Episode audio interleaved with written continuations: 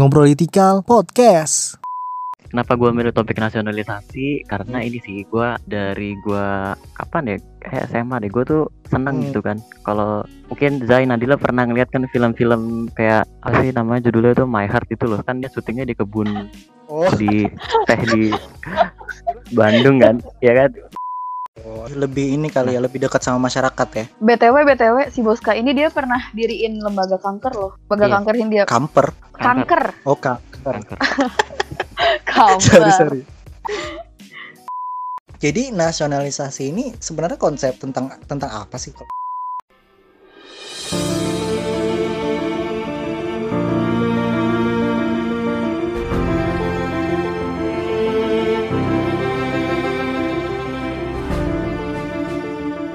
Halo semua, kembali lagi di Ngobrolitikal Season 2 Dan kali ini kita berkolaborasi dengan podcastnya Studi Klub Sejarah Yaitu Sejarah Berbicara. Jadi kali ini kita di episode spesial kemerdekaan Kita bakal bahas soal eh, sejarah nasionalisasi perusahaan di Indonesia. Eh, Lebih lanjut kita bakal tanya-tanya nih ke kawan-kawan kita Dari alumni sejarah ya alumni studi klub sejarah juga gitu dan udah ada sekarang sama gue ada Ahmade halo Ahmade Hai Zai, Halo. Gimana kabarnya? gue sehat sih alhamdulillah. Sehat, alhamdulillah. Terus juga ada Nadila. Halo Nat. Halo Zai. Halo Nat, gimana Nat kabarnya? Baik sih, alhamdulillah. Gini-gini aja lah. Lagi sibuk-sibuk ngajar ya? Iya dan dan iya nga- ngajar sebenarnya sambilan doang. Karena sekarang kita udah ada Nadila dan juga Ahmade, alumni eh, jurusan sejarah UI. Kita bakal bahas eh, soal topik penelitian mereka nih, karena kita udah di konten sidang. Dan kali ini karena kita kolaborasi dengan eh, sejarah berbicara, jadi nanti kita bakal bagi dua bagian pembahasan gitu ya. Eh, untuk satu bagian ini kita bakal bahas hal-hal yang lebih umum lah, lebih umum. Itu kita eh, bakal bahas di eh, podcast ngobrolitikal. Kemudian nanti part selanjutnya itu bakal dibahas di eh, podcast sejarah berbicara gitu. Oke, Nat, ini topik lu tentang nasionalisasi perusahaan.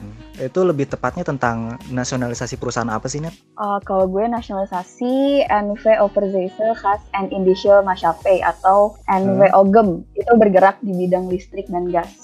Listrik dan gas. Oke. Mm. Itu di di wilayah mana? Di di seluruh Indonesia awalnya di Batavia nih awalnya, terus lama-lama nyebar di Makassar, di Bandung, Cirebon, di berbagai Hmm. kota lah di Indonesia.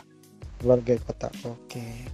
Tapi kalau dari penelitian lu ini apakah khusus kalau gue yang gue baca ya, Ah. itu khusus Jakarta atau gimana? Ya, kalau penelitian gue ini khusus Jakarta aja. Oke, dari ta- tahun berapa sampai tahun berapa? Dari tahun 1953 sampai dengan 1965. Hmm, oke oke. Jadi tentang perusahaan gas dan listrik ya. Iya, Nah, benar. Kalau Ahmade, kalau lu topik penelitian lu tentang perusahaan apa, Made, yang dinasionalisasi? Tentang perusahaan perkebunan. Perkebunan. Lebih tepatnya perkebunan apa, Made? Mm. Perkebunan teh Labar di Kecamatan Pangalengan, Kabupaten Jawa Barat. Dia dulunya punya Hmm? NV Assamti Onderneming Malang. Oke, ini ini ini teman-teman semuanya berbahasa Belanda ya. Jadi ini perusahaan Belanda eh, yang memang dulu udah udah ada sejak zaman eh, kolonial. Iya. Jadi itu tahun berapa, Made? eh, topik penelitian lu, Made?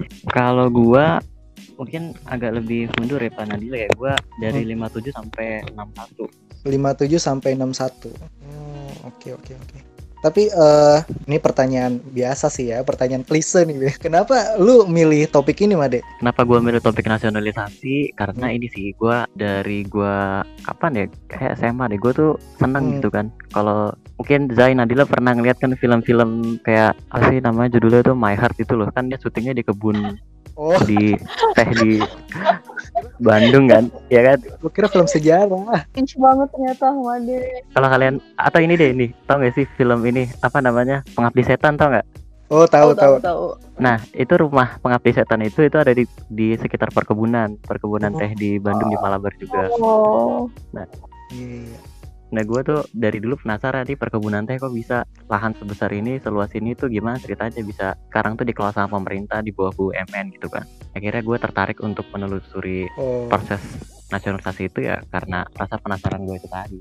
Justru lu kepikiran ini dari eh, film ya? Keren, keren, keren. Iya, ka- karena gue juga seneng seneng ngelihat ini sih Eh, eh, lahan perkebunan yang luas. Oh, Nanti kalau misalnya saya atau Nadila ada waktu main-main lah ke perkebunan saya lihat itu yoi. hamparan yang luas tuh enak aja gitu ya dan Sering Made yang di puncak. di puncak.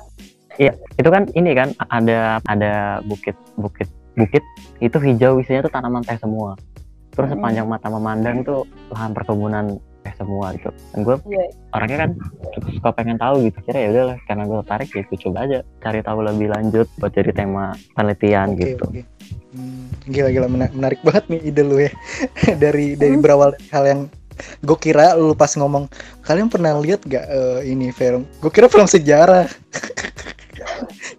Ternyata My Heart ya Allah ya benar. Tapi bisa bisa Iya. menarik. Jadi nggak cuman idenya tuh nggak cuman dari buku doang ya, tapi dari eh, film. yang film pengabdi setan itu ini masih ada rumahnya sampai sekarang di kecamatan Pangalengan dia di kebun Kertamanah saya ingat gue Oh gitu. kalau mau main bisa banget tuh Lu per, sempat ke sana? gue belum sempat karena tiap gue ke sana pasti udah sore banget jadi ya kan jarak dari dari perkebunan ke kota Bandung itu kan lumayan panjang Hmm. kan jadi ya gue Oke. memilih untuk pulang Iya iya iya. Terus kalau lu net kenapa lu pilih topik itu tentang nasionalisasi perusahaan gas dan listrik? Uh, ingat nggak sih waktu semester 4 tuh kita ada pelajaran metode sejarah kan ya, pelajaran matkul, matkul metode sejarah. Iya iya. Ya kan? Mm-mm. Nah, nah, aku kan waktu itu dapet Mas Bondan ya. Gue tuh kayak Hmm. amazed gitu loh sama cara ngajar dia. Mas Bondan ini eh, spesialisasinya apa? Mas Bondan ini spesialisasinya ekonomi, terus Batavia, pokoknya uh, kolonial dan ekonomi deh pokoknya. Oke. Nah, terus gue kepo dong, gue cari-cari nih karyanya. Nah, salah satunya tuh yang gue baca tuh bukunya dia, yang judulnya itu Nasionalisasi Perusahaan-Perusahaan Belanda. Nah, ketika gue baca bukunya, terus gue ngerasa tuh kayak masih banyak celah yang bisa gue isi, karena belum semua perusahaan tuh diomongin. Hmm oke oke. Ya udah gue mikir kan kayak perusahaan apa ya yang yang tepat gitu buat gue jadiin uh, topik skripsi. Terus gue gue kan di semester berapa ya? Semester 2, 3, 3 dan 4 tuh kan gue dapet beasiswa dari perusahaan gas negara. Kayak balas budi gitu lah. Hmm, oh ya udahlah. Y- iya PGN ya udahlah gue ngambil nih dari si PGN ini gue tarik ke Hmm. zaman dia masih dimilikin sama Belanda gitu. Ketemulah si. Ogem ini Oke mantap juga berarti berawal dari dari ketertarikan lu dengan dengan dengan dosen pembawaan dosen itu ya. Ya, dengan pembawaan dosen ya, bukan dosen. Cara dia ngajar. Ah, dari situ baru ketemu dari Hmm. bukunya. Ah ini ini kayaknya agak sedikit normal nih Made daripada lu Made. Eh, inspirasi itu bisa dari mana aja loh. Iya sih iya bener. Tapi dari My Heart gue nggak kebayang. My Heart tuh SD tau. Iya ya bener. iya Tadi lu nih My Heart-nya yang Made Made nih yang film apa yang yang series nih?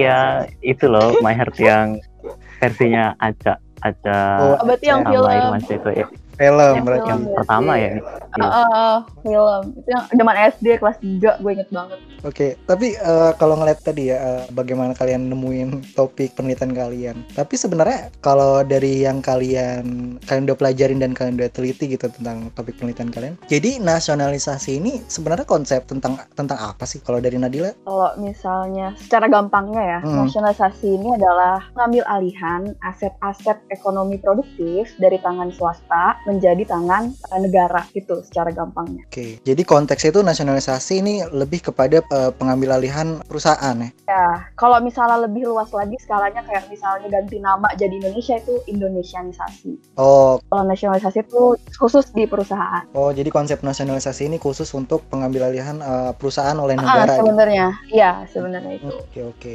Kalau Made gimana Made? Apakah ada hal yang berbeda dari lu? Iya, jadi sebenarnya konsep nasionalisasi itu secara umum seperti yang Nadila sampaikan tadi. Tapi kalau untuk gua, simpelnya nasi- nasionalisasi itu pemindahan aset dari bangsa asing, orang asing menjadi milik pemerintah. Yang Oh. dulunya tuh perusahaan-perusahaan itu kan dikelola, dikuasai sama orang-orang asing ya, Hmm. orang Belanda. Kemudian dipindahkan, dialih kuasakan ya, dialih pemilikan jadi milik pemerintah. Dan di peristiwa nasionalisasi kita itu yang diambil alih, kalau di perkebunan 57 itu perusahaan perkebunan Belanda. Oke. Jadi lebih eh, kalau dari lu lebih ke nasionalisasi itu adalah pengambil alihan perusahaan asing ya ke tangan negara. Iya. Oke. Terus kalau misalkan the latar adanya nasionalisasi di topik kalian gitu ya, masing-masing mungkin uh, berbeda gitu. Jadi uh, kenapa saat itu uh, Indonesia gitu merasa perlu untuk melakukan nasionalisasi nasionalisasi perusahaan? Kalau dari lu Made? Ya, jadi kenapa Indonesia saat itu perlu melakukan nasionalisasi sebenarnya ada political backgroundnya waktu itu. Kalau untuk penelitian gua waktu itu karena tuntutan terhadap pembebasan Irian Barat ya yang dilakukan oleh buruh itu meminta pemerintah untuk segera melakukan pengambil alihan. Tuntutannya itu dilakukan terutama dari organisasi serikat buruh yang terafiliasi sama PKI meskipun nggak nggak nggak semuanya tuh digerakkan sama buruh terafiliasi PKI tapi kalau di perkebunan itu sebagian besar digerakkan oleh Sarbupri yang notabene dia itu adalah sayapnya dari organisasi PKI itu Oke. Okay. Gitu. Terus kenapa harus dinasionalisasi? Cara singkat gue mungkin bisa gue sampaikan itu adalah salah satu upaya untuk mewujudkan eh namanya tuh kedaulatan ekonomi nasional ya dan di situ juga hmm. termasuk bagian dari menekan pemerintah Belanda supaya pemerintah Belanda itu mau menyerahkan Irian Barat ke tangan Indonesia gitu. Oke.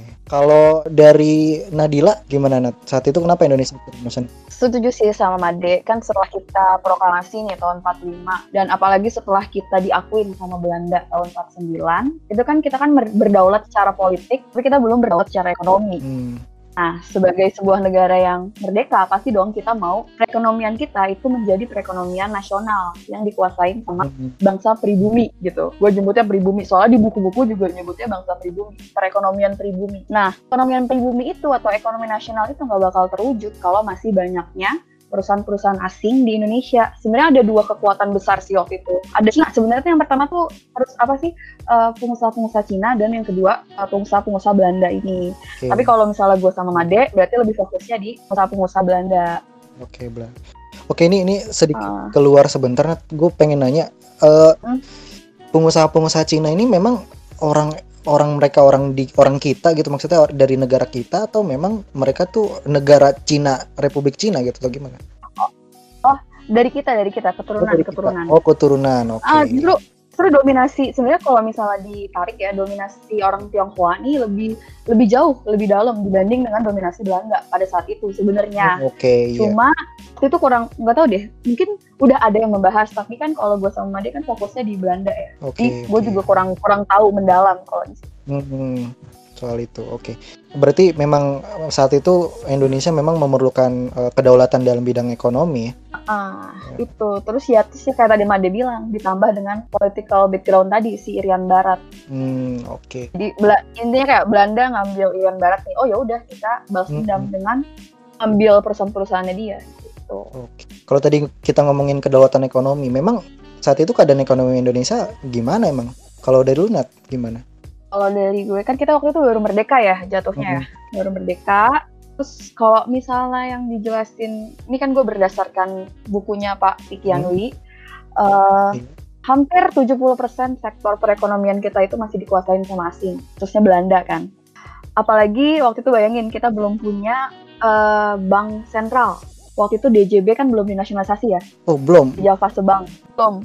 Baru kan ntar dinasionalisasi kan setelah Iya. Berapa sih dia lima? Dia duluan, dia duluan pokoknya. DJB belum ada. Terus dari segi transportasi bayangin, Pelni, Pelni waktu waktu itu masih KPM, itu masih dikuasain sama Belanda.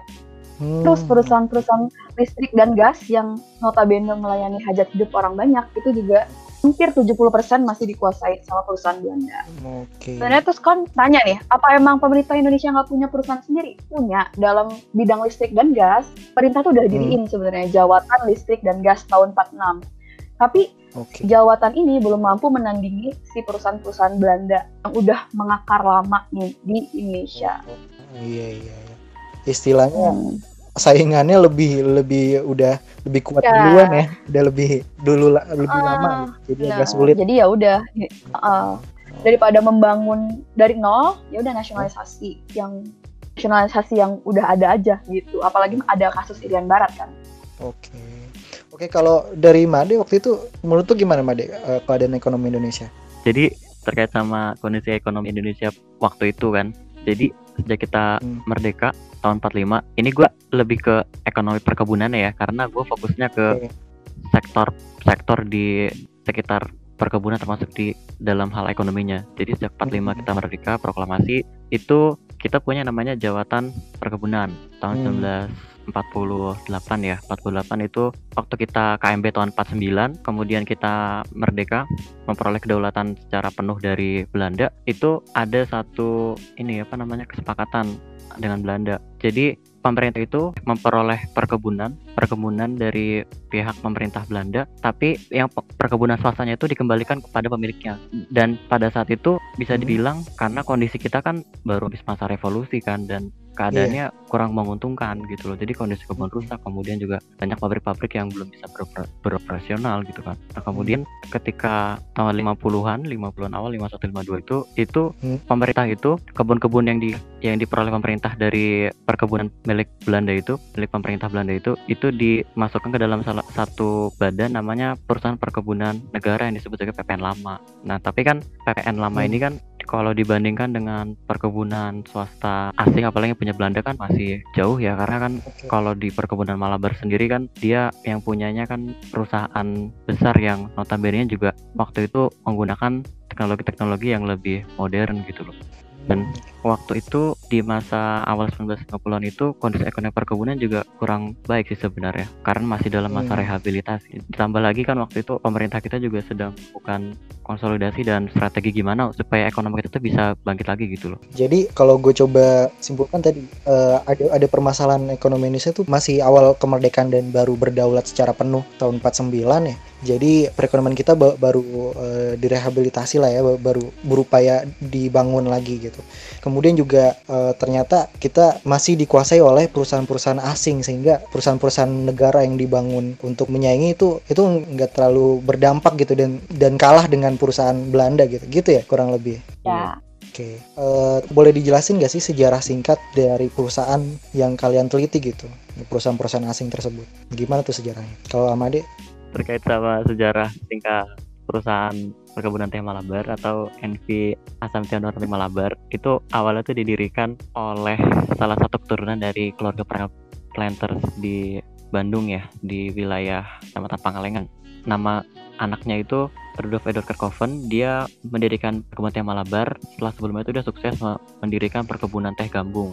Nah dia merasa mendirikan per- perlu mendirikan perkebunan karena waktu itu komoditas teh itu masih menjadi satu komoditi yang menguntungkan gitu loh. Terus waktu awal dia mendirikan itu dia kan punya perkebunan gambung kan.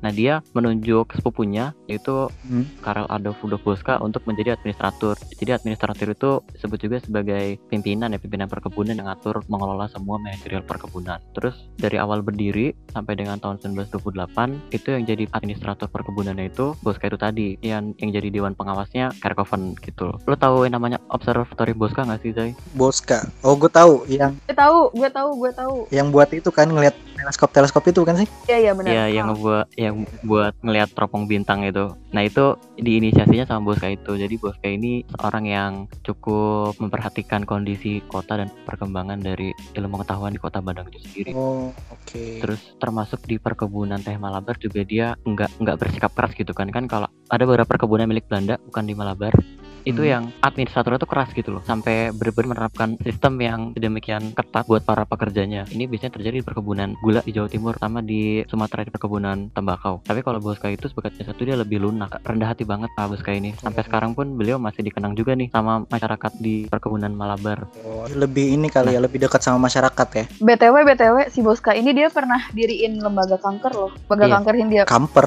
Kanker. Oh, kanker. kanker Kanker. sorry, sorry.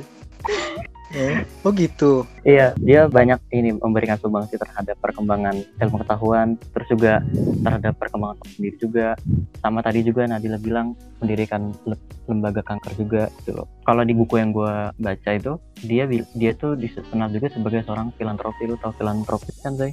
Ah, filantropi ya. Terus perkebunan teh Malabar itu dari awal berdiri sampai dengan tahun 1925 itu dia makin besar lah Per- perkebunannya memperoleh hasil yang dominan dan hasil perkebunannya itu jadi yang terbesar di Kabupaten Bandung dan juga di Jawa Barat gitu. Terus sampai ketika masuk ke depresi ekonomi 1930 itu harga teh internasional terpengaruh juga kan terpukul juga Hmm. karena adanya depresi terus perkebunan teh Malabar juga kena juga tuh kena kebijakan yang namanya tuh restriksi teh sehingga produksinya tuh harus dikurangin. Berturut-turut dari situ sampai Jepang masuk ke India Belanda itu hasil perkebunan teh Malabar belum bisa menyamai hasil ketika Boska itu jadi administrator. Oh ya Boska itu wafat di tahun 1928 setelah dia digantikan oleh anaknya Rudolf Fedor Karkovan itu. Terus masuk ke zaman Jepang pendidikan militer Jepang itu kan orang-orang Belanda kan ditawan ya di internir kan. Kemudian di, perke di perkebunan teh Malabar itu sendiri juga lahan perkebunannya itu diolah sama bareng-bareng sama pemerintah waktu itu sama pemerintah Republik Indonesia juga kan sama pasukan-pasukan gerilya kita juga tuh. Dan di situ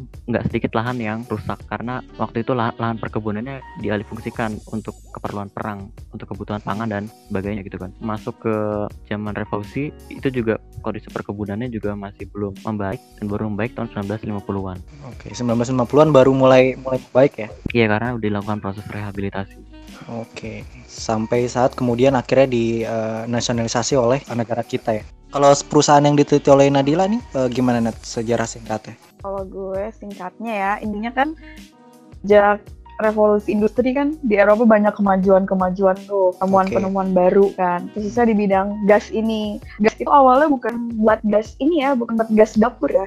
yeah. Tapi buat gas penerangan, buat lampu, okay. buat lampu jalan. Nah, waktu itu Belanda itu ngebawa si gas untuk lampu jalan tuh ke Batavia. Karena di Batavia sendiri tuh mulai berkembang kayak pusat-pusat hiburan yang butuh penerangan kalau malam. Nah, didirikanlah tuh si NV NIGM 1864. Nah, ternyata selain gas, ada juga nih perusahaan listrik saingannya. Dan listrik itu lebih, mereka lebih suka listrik karena lebih murah gitu dibanding gas. Akhirnya okay. NVNIGM hmm.